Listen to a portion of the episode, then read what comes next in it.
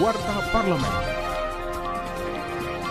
Inilah Warta Parlemen bersama saya, Edo Da Vinci Zakti. Ketua DPR RI Puan Maharani memberikan apresiasi yang tinggi atas keberhasilan tim bulu tangkis putra Indonesia memboyong Piala Thomas Cup 2020.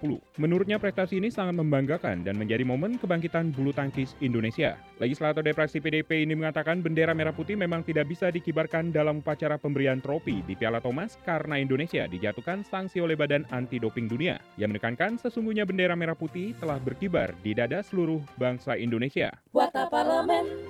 Dalam rapat kerja dengan Menteri Kesehatan, anggota Komisi 8 DPR RI, Sally Gantina, menyoroti permasalahan pencairan keluarga penerima manfaat atau KPM di Bank Himbara Mitra Kemensos yang dinilai sangat menyulitkan masyarakat. Permasalahan bansos yang ada di lapangan banyaknya dengan Bank Himbara pimpinan.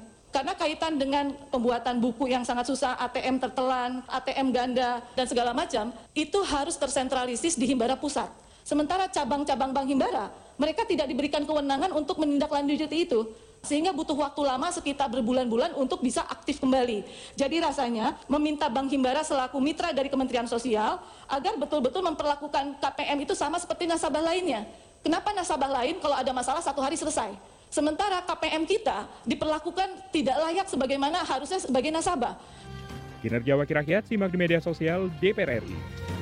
Anggota Komisi 5 DPR RI, Ken Kuilan mengapresiasi program kegiatan padat karya yang diselenggarakan Unit Pelayanan Bandara atau UPB, Dapu Singkep, Kabupaten Lingga, Kepulauan Riau. Program tersebut menurutnya dapat membantu perekonomian masyarakat lokal yang terdampak pandemi COVID-19. Legislator Depraksi Partai Golkar ini mendorong pemerintah agar ke depannya memperbanyak program padat karya supaya masyarakat luas dapat menerima langsung hasil program tersebut.